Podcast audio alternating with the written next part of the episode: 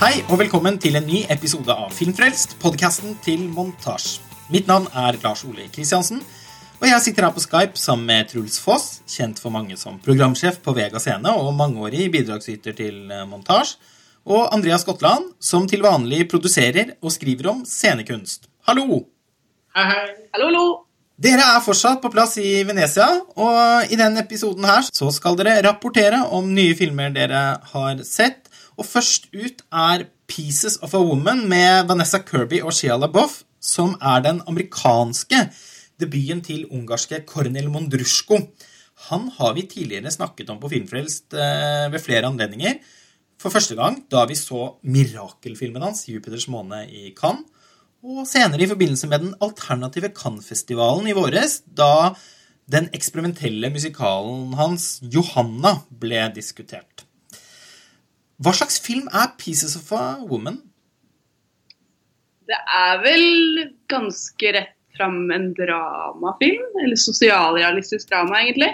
Det handler om en kvinne, eller et par, men det er kvinnen vi følger tettest, som mister et barn. Og hennes sorg og prosess rundt det, som også er vikla inn i en rettssak mot jordmoren som tok imot barnet. Så en historie jeg aldri har sett. Altså, jeg har aldri sett, sett en film om det, eh, som var veldig, veldig fint i seg selv.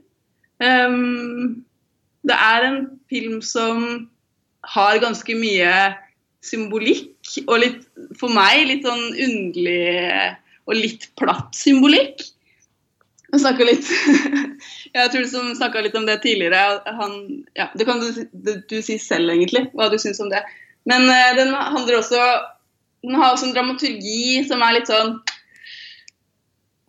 Rett og slett så er filmen litt kjedelig, uh, men også veldig god.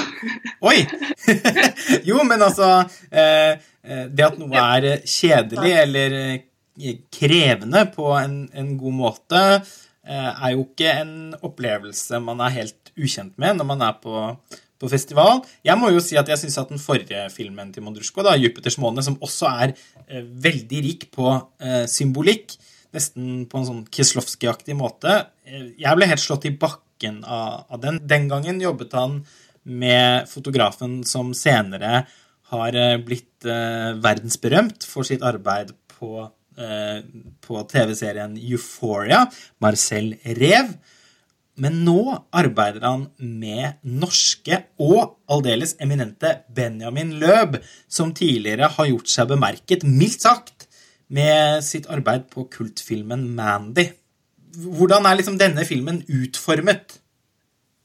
Eh, hvordan den er utformet eh, Jeg vil på en måte bare gå inn og snakke litt om hvordan den plasserer seg i forhold til Mondrusjko, Sånn ja. Inne på Jupiters måne og inne på Marcel Rev, eh, som jo har fotografert både den og White God. Jeg har kun sett Johanna, White God og Jupiters måne. Jeg syns Jupiters måne var en helt i likhet med deg fantastisk film. Uh, 'Pieces of a Woman' merker man er på en måte det, den første amerikanske filmen han har laget. Det er mindre kunstnerisk frihet. Det er et streitere drama, som Andrea nevnte. Uh, men allikevel så har den disse Mondrusjko-elementene. Det er mye symbolikk i bruk av epler. Dette barnet som lukter som eple. Epler refereres til. Det er noen spirer og epler. Eh, det er en bro som skal bygges, som er en struktur på filmen. Han er jo veldig opptatt av det. Sånne eh, konkrete strukturer i bildet som manifesterer seg enten bygninger eller annet. Uh, og så er det i tillegg en uh, ganske ambisiøs one take som kommer tidlig i filmen som, er, eh, som, er, som, faktisk er en one take på hva er det for nærmere 23 eller 24 minutter. Som er, eh, som er av en fødsel. og Den er virkelig imponerende da, og intens. og jeg syns filmen er ujevn. Jeg skulle ønske at filmen faktisk var mer symboltung. At den var enda litt mer et eventyr. Eh, men det som er bra med den sekvensen med den lange sekvensen, da, som er veldig Mondrusjko-aktig, vil jeg si, er jo at den suger deg rett inn. Den får deg rett inn i filmen, og den, får, den gir en fornemmelse om at det står noe på spill. Men uh, nettopp dette med å gå i biter etter å ha mistet et barn, men å skulle prøve å samle seg inn igjen.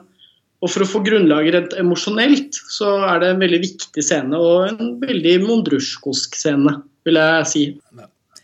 De amerikanske filmkritikerne er stort sett veldig positive og løfter særlig fram Vanessa Kirby og Shia LaBeouf sine rolleprestasjoner.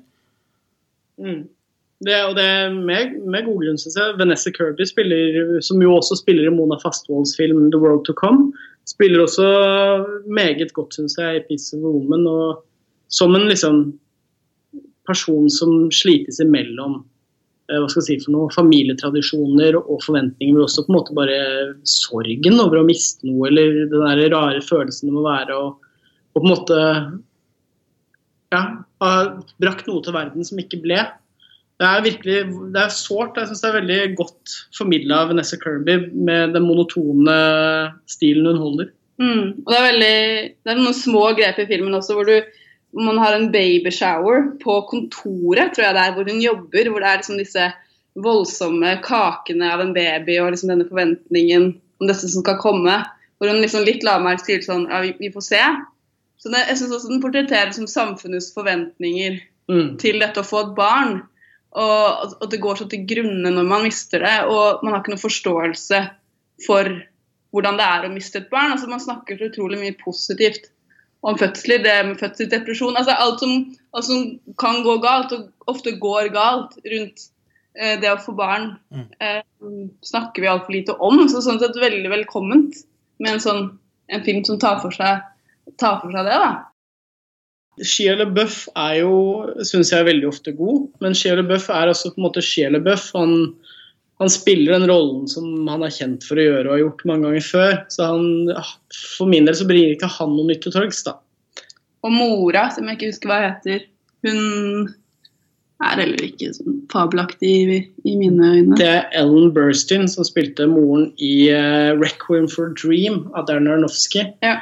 Uh, hun spilte en bedre rolle der, og har gjort det også ganske mange ganger etterpå. Ja, altså Hun tenker jeg på som en av historiens beste amerikanske skuespillere. I alt fra 'Exorcisten' til 'Alice Doesn't Live Anymore' og 'Reckon for Dream', som du nevnte.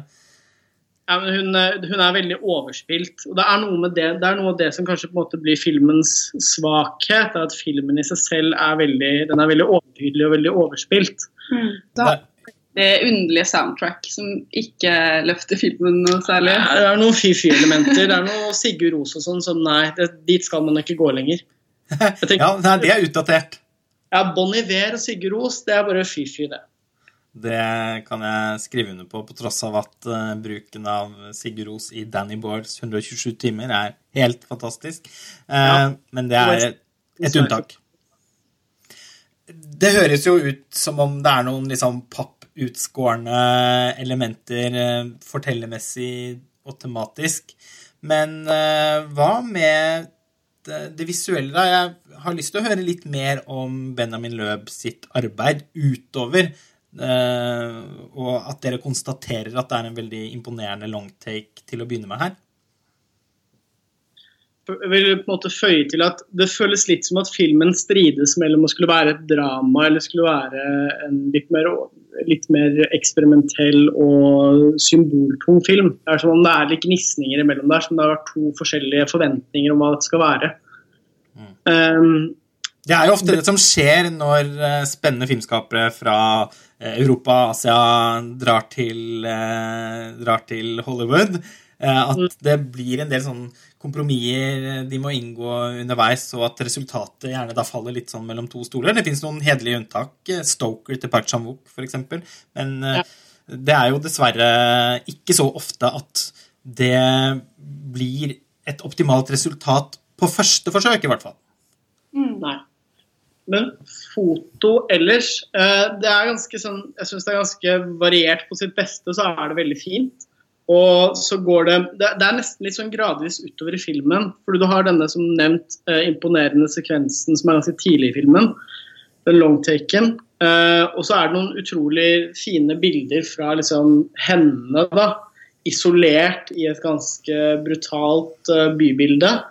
Som er ganske sånn kjølig og tungt og heavy. Som, er, som, som virkelig klarer å speile både på en måte hvordan hun har det og og ser estetisk ganske fint ut. Og fra kontorlandskaper som er, som er liksom Hva skal jeg si for noe? Ikea-kline.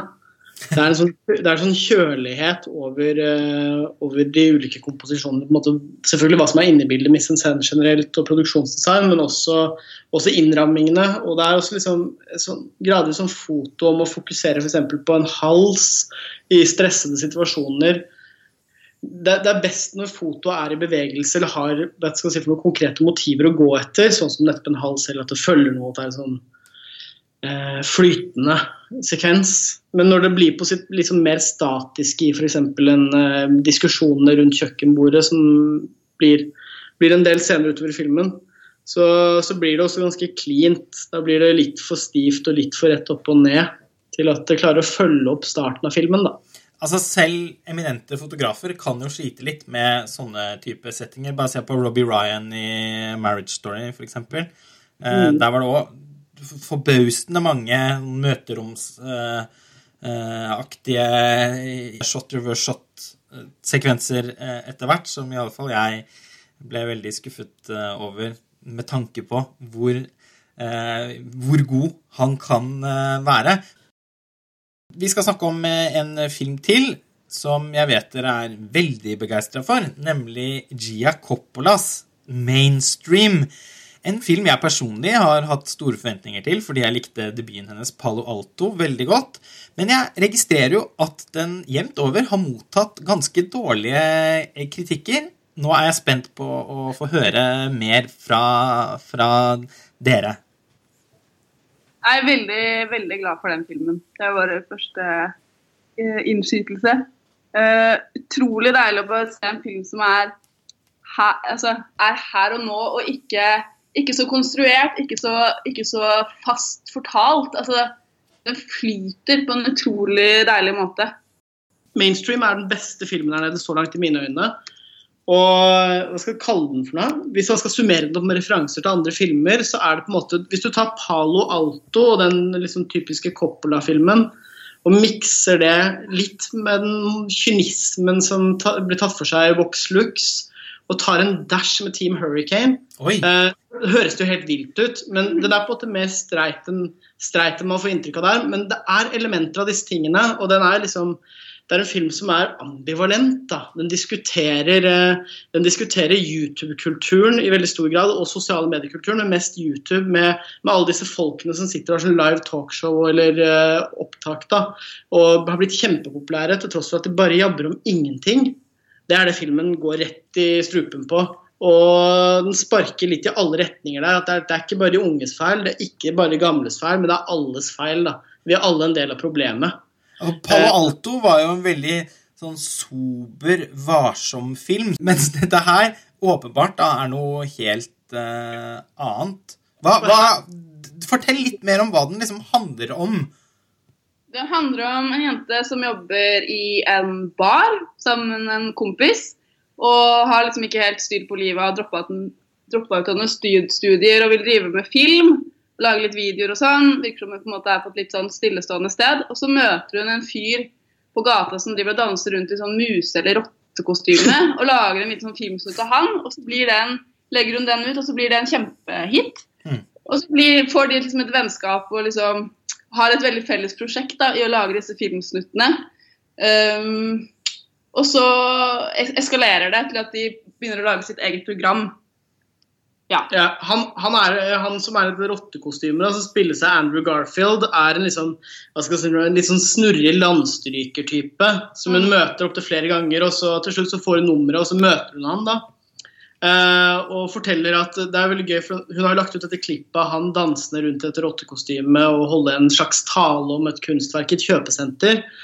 Uh, hvor jeg tror det var hvert at Hun har fått sånn 2000 views. Det er jo ikke megamasse heller, men hun ser liksom potensialet at her kan, det, her kan, det, bli noe.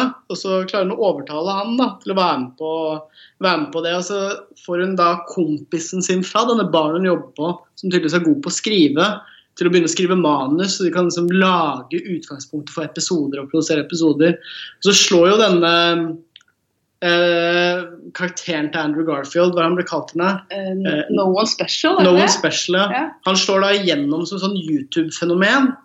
Uh, og da får du selvfølgelig huk, eh, hooka på seg en agent som er spilt av Jason Swartzman. Som er en sånn utrolig snål, men kynisk, snål, rar type. Som skal få de til å bli enda større. Og da får man veldig innsikt i alle disse billige drittstudioene som de spiller inn disse YouTube-sessionene på. Til tross for at de tjener masse penger. Så det går liksom inn i den type Nesten en slags sånn kommersiell subkultur, vil jeg kalle det. Ja, altså Man havner litt sånn behind the scenes eh, i, på B-siden av Los Angeles, på en måte. Mm, virkelig. Ja, men det er også veldig tilgjengelig. og altså, Den bruker utrolig mye sånn smiler og emojis i bildet. Den er også litt sånn lett å kjenne seg igjen i, bare sånn fra Snapchat eller Insta. eller bare... Ja, for Det er noe med hverdagen, ens egen hverdag som er veldig godt catcha. Den er veldig, veldig samtidig. Den er grensesnitt-tung, med andre ord. Ja, ja er, Det er akkurat der den ligner på Team Hurricane også. fordi her er det emojis som popper over hele skjermen, og man spyr hjerte-emojis. og eh, Det er intens montasje med alt fra sånn køddeeksplosjoner liksom, hvor det bare er sånn leke seg, typ liksom SoMe-style i bildet. Mm. Uh, all the way da, i store deler av filmen. Og i tillegg så vil jeg bare nevne at det er en, hel sekven en sekvens som bruker 'Kill We Main' av Grimes og har en sånn, virkelig en sånn hva skal jeg si noe, mash-up-montasje med datamorsing og det hele som er kjempefet. Oi, Det høres veldig lovende ut. Du er jo opptatt av eh, sosiale mediepersonligheter, eh, Andrea. Særlig Sofie Elise Isaksen, vet jeg. Jeg har nettopp hørt eh, hennes bok 'Forbilde' på lydbok. Ah. Og syntes det var veldig interessant. Jeg, jeg, lurer litt på hva du tenker at mainstream eh, liksom tilføyer vår felles forståelse av hvordan sosiale medier og den sosiale mediekulturen og sosiale mediepersonligheter hvordan det, Hva den tilføyer debatten om, om sosiale medier? Det, ja, det syns jeg er veldig bra som filmen får fram, er at den sprer på en måte ansvaret. Um, jeg tenker liksom at Sofie Elise er en av de som får jævlig hard medpart som person. Mens denne filmen her viser at det er jævlig mange, og de er alle på en måte Hva heter det? Eh, altså produkter av sin tid, da, eller vårt samfunn. Så det, det, vil jeg si at filmen gjør, at den går ikke sånn enkelt til verks på personer, men det viser systemet. Mm. Eh, og det gjør den veldig godt. Og den blir jo veldig alvorlig til slutt. Nå blir det sånn spoilere, men det må kanskje bare med. For det blir jo et eh, selvmord som blir uh, begått. Og det syns jeg også filmen viser så bra hvordan det er hvordan, altså, Man snakker ofte om at selvmord er ens eget valg, og man gjør det til et sånn individuelt valg. Noe jeg tenker at det ikke er. Det er samfunnet som feiler den personen. Det er samfunnet som dypest sett dreper den personen. Uh, som tar livet av seg. Og det viser filmen skikkelig godt. Så Den er en blanding av å være utrolig leken utrolig gøy å se på, men også klarer å touche ganske seriøse temaer, da. Hvis det var et svar? Ja, absolutt. Uh, men uh, jeg er fortsatt Jeg vil fortsatt høre litt mer om filmens stil. Altså, det er åpenbart at det er tung bruk av, av elementer fra mobiltelefoner og nettleser og sånn i, i bildet. Men Og det høres jo da nødvendigvis ut som en stor kontrast til Palo Alto, som jeg vet at du også har sett, Truls. Er det litt sånn at Gia Coppola reintroduserer seg som filmskaper her. Det har jo også vært veldig stille fra henne i årene som har gått siden Palo Alto, med unntak av noen musikkvideoer som hun har regissert. Den ser fortsatt litt sånn ut som Palo Alto i de streite scenene. Men den inkorporerer denne YouTube- og SoMe-estetikken i alt det. da, eh, Og går på noen tidspunkt ganske bananas. Og helt i starten av filmen så har du sånn stumfilmtekstplakater. Eh, så den, den, leker seg hele tiden med eh, hva skal jeg si for noe, når man klipper eksterne ting inn i bildet. Det er den veldig aktiv på. Så jeg vil si at den skiller seg stilistisk i veldig stor grad fra Palo Alto, til tross for å ha litt av den samme nøkternheten. Hva med Andrew Garfield, da? Hvordan klarer han seg? Han er en skuespiller jeg syns kan være veldig god, og Mm. av og til litt enerverende. Han er en utrolig slitsom og intens skikkelse som liksom manisk, nærmest. Eh, som virkelig inntar den rollen som eh, no one special. Og man får akutt en sånn følelse av at man ikke liker han.